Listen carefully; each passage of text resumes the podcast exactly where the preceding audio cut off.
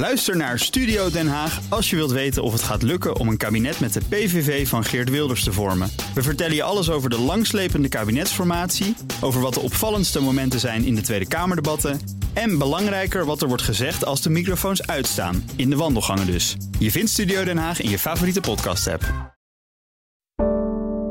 Een goedemorgen van het FD. Ik ben Luc van den Berg en het is dinsdag 9 mei.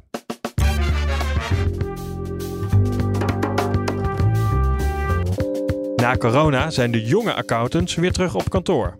Uh, maar dat ze eigenlijk een oudere collega missen. Nou ja, om van te leren, om feedback van te krijgen. En om uh, betrokken te blijven bij uh, wat er op kantoor speelt.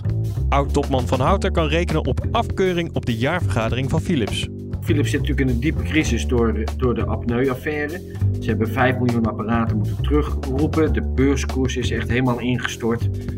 En ze verwijten Van Houten dat hij die crisis slecht heeft gemanaged.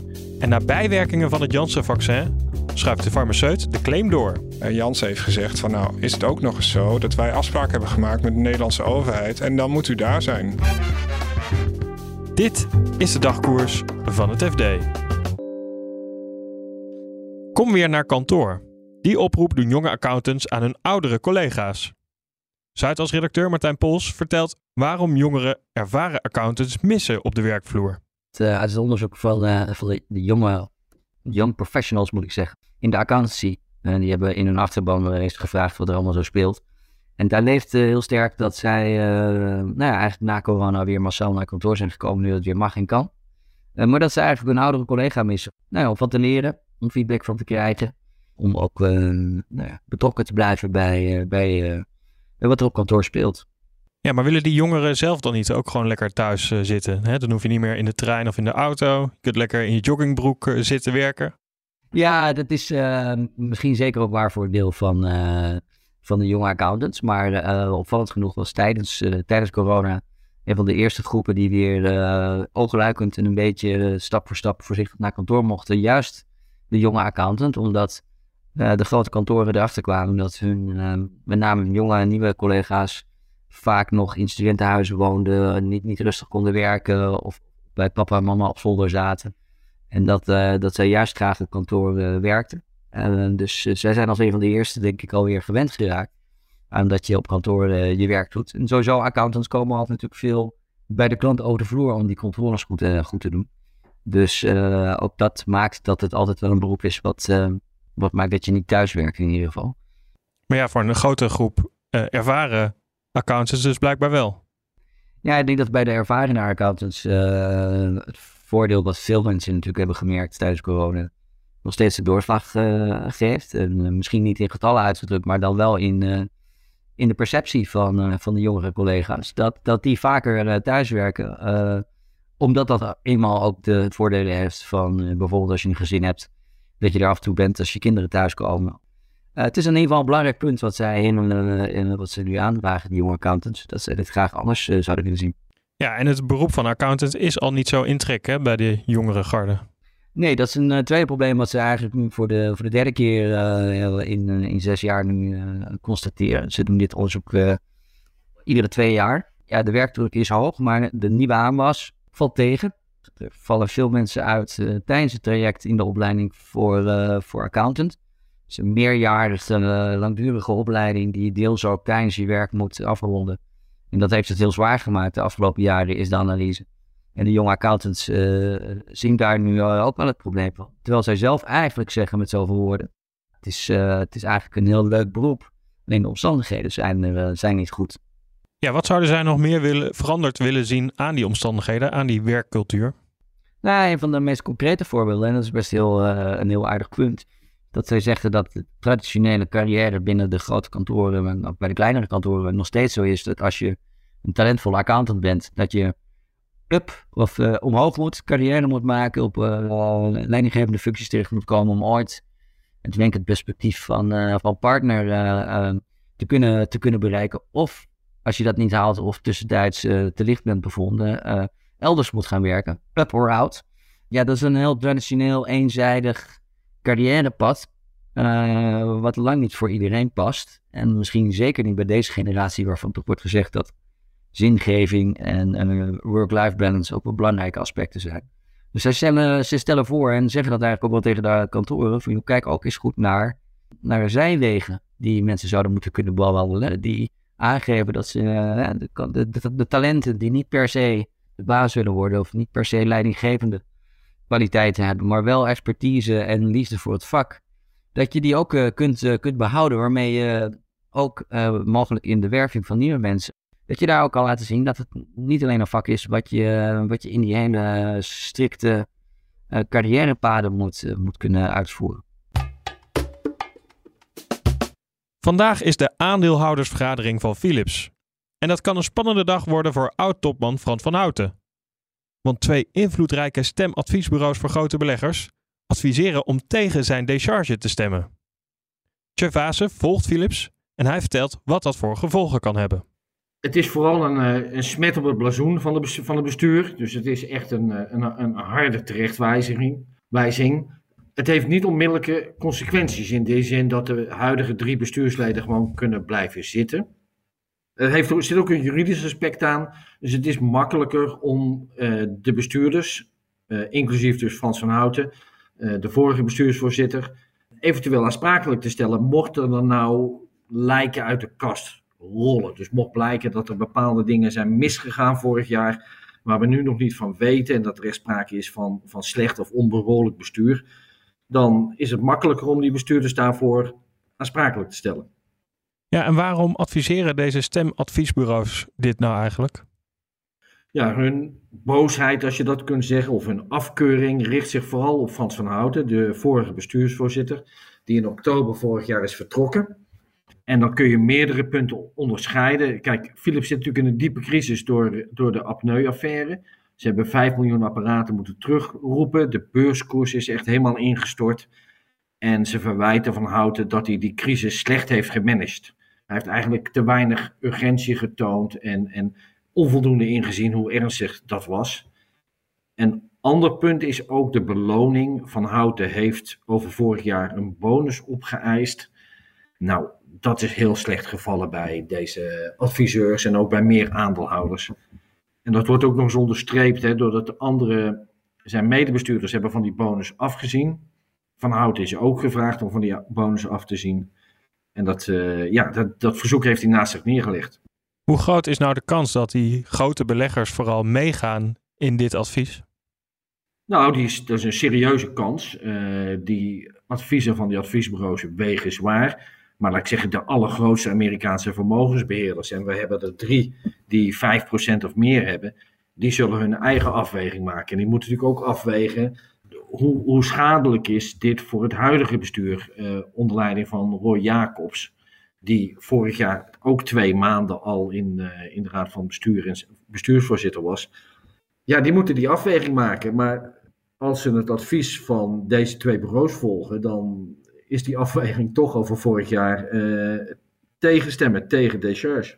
En hoe vaak zien we dit gebeuren bij beursgenoteerde bedrijven dat het bestuur of een oud topman geen decharge wordt verleend?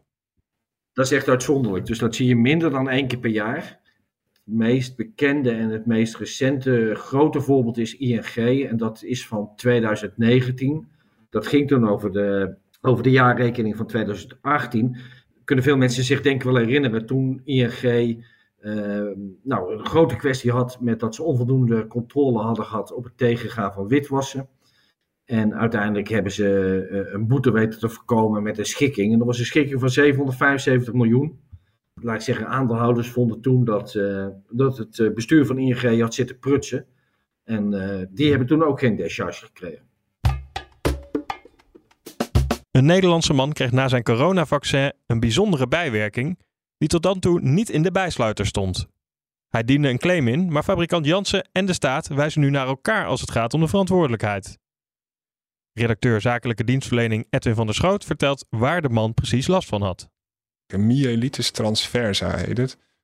Dat, dat, je een ontsteking hebt aan de zenuwen in je, in je ruggenmerg, tot aan je hersen, hersenen eigenlijk. En dat zorgt voor, uh, ja, voor heel veel uitval. Het begint met uh, buikpijn en dat soort dingen. Maar het ging al vrij snel over in uh, geen gevoel meer in je benen en voeten. En op een gegeven moment is de man ook in elkaar gezakt. Hij moest ook aan de hartbewaking, omdat er gewoon ontsteking in zijn hersenen, hart en dergelijke zaten. Dus hij, hij, hij, zat echt in een levensbedreigende situatie. En de diagnose was ook eerst heel moeilijk te stellen. Ook omdat deze aandoening dus niet als een bekende bijwerking geregistreerd stond. Dus en hij heeft wel aangetoond dat dat komt door het vaccin wat hij heeft gekregen. Hij geeft zelf aan dat hij zeker weet dat door het vaccin komt. Uh, hij is een week na zijn vaccinatie met Janssen. Uh, zijn die klachten begonnen en een maand lang uh, steeds erger geworden het vaststellen van een kausaal verband van 100% is natuurlijk nagenoeg onmogelijk. Het is een beetje ook de verdediging van sigarettenfabrikanten tegen longkanker. Ja, u kunt dan wel longkanker hebben, maar toon maar eens aan dat het door die sigaretten komt en niet door iets anders. Je, je weet gewoon dat er een eh, hele hoge waarschijnlijkheid is, maar het helemaal aantonen, dat is natuurlijk uh, onmogelijk. Stel nou dat, dat hij dat toch kan aantonen. Bij wie mhm. moet hij dan zijn? Wie is dan verantwoordelijk voor die schade? Nou, dat is het interessante aan deze. Dit is voor zover ik kunnen achterhalen. Dus de eerste claim in Nederland die echt uh, uitgebreid behandeld wordt van een, uh, als het gaat om vaccinatieschade. En de man heeft in eerste instantie heeft hij, uh, Jansen aansprakelijk gesteld. Jansen heeft gezegd van nou, los van het feit dat wij niet meegaan in het verhaal dat het hoe dan ook, die aandoening hoe dan ook door de vaccinatie is ontstaan, is het ook nog eens zo dat wij afspraken hebben gemaakt met de Nederlandse overheid en dan moet u daar zijn. Hoe zien die afspraken er dan uit? Ja, dat is dus het probleem. Dat weet niemand, behalve de overheid zelf en uh, de fabrikant. Um, en dus ze wijzen ze wel naar elkaar. Maar kun je daar um, als uh, gedupeerde, kun je daar niet zoveel mee. Want je, hebt geen, je weet niet wat er precies in staat. In die zin, trek een vergelijking met het Pandemrix van de Mexicaanse griep uit 2009. En dat, dat vaccin is ook nieuw, uh, was destijds ook nieuw. Er zijn helaas tientallen, misschien wel een paar honderd kinderen in Nederland geweest die daar uh, ernstige problemen door hebben opgelopen. Narcolepsie hebben ze gekregen, een hele vervelende aandoening. En in dat geval zijn ook afspraken gemaakt tussen de overheid en de producent, eh, GSK, over wie is daar verantwoordelijk voor. Ook die afspraken waren niet publiek bekend. Maar uiteindelijk heeft de overheid, nadat beide aansprakelijk zijn gesteld, een schikking getroffen met die, met die mensen. En maar dat is een model hoe dit dan nu ook zou kunnen gaan. Maar um, een alternatief model, en daar pleit deze mevrouw voor, is gewoon zo'n fonds opzetten naar Amerikaans of naar Amerikaans en Brits voorbeeld. Hoeft het in ieder geval minder lang te duren ook. Dus dat is een soort solidariteitsfonds waar, waaruit deze mensen betaald worden die schade hebben geleden. Ja, want bijvoorbeeld deze man in kwestie, hè, laten we aannemen dat zijn uh, aandoening inderdaad door, het, door de vaccinatie komt. Hij zegt zelf, ja, weet je wat nog het allervervelendste bijna is? Ik heb nog steeds geen corona gehad dus hij is, heeft zich uit solidariteit laten vaccineren, heeft daar schade door ondervonden. Maar voor hemzelf als persoon was het niet nodig geweest. Hij was vier, destijds 44, nu 46 en gewoon een sportieve, jonge, fitte man. Dit is dus de eerste bekend in Nederland. Hoe zit dit in het buitenland? Want daar zijn natuurlijk ook honderdduizenden miljoenen vaccinaties gezet.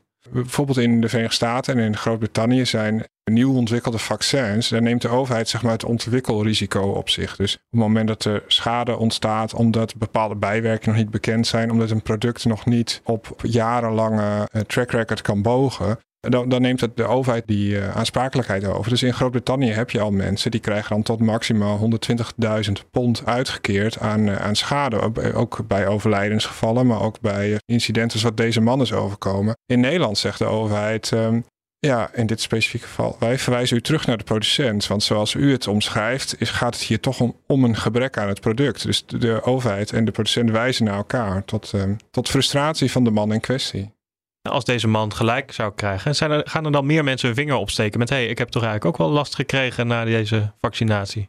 De kans is heel hoog dat deze man dus naar de rechter gaat stappen. Wat je daarmee krijgt natuurlijk is, is um, dat er misschien meer bewustwording gaat ontstaan.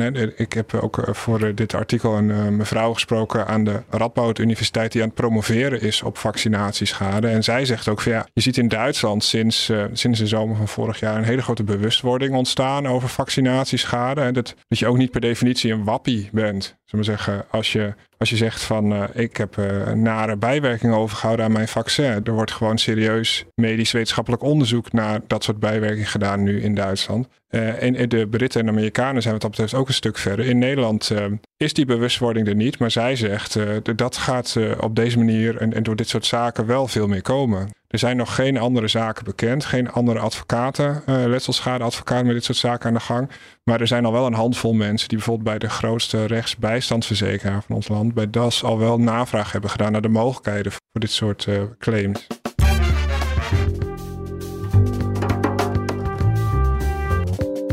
Dit was de dagkoers van het FD. Morgen zijn we er weer met een nieuwe aflevering. En ondertussen lees je het laatste financieel-economische nieuws in onze app. Voor nu een hele fijne dag en graag tot morgen.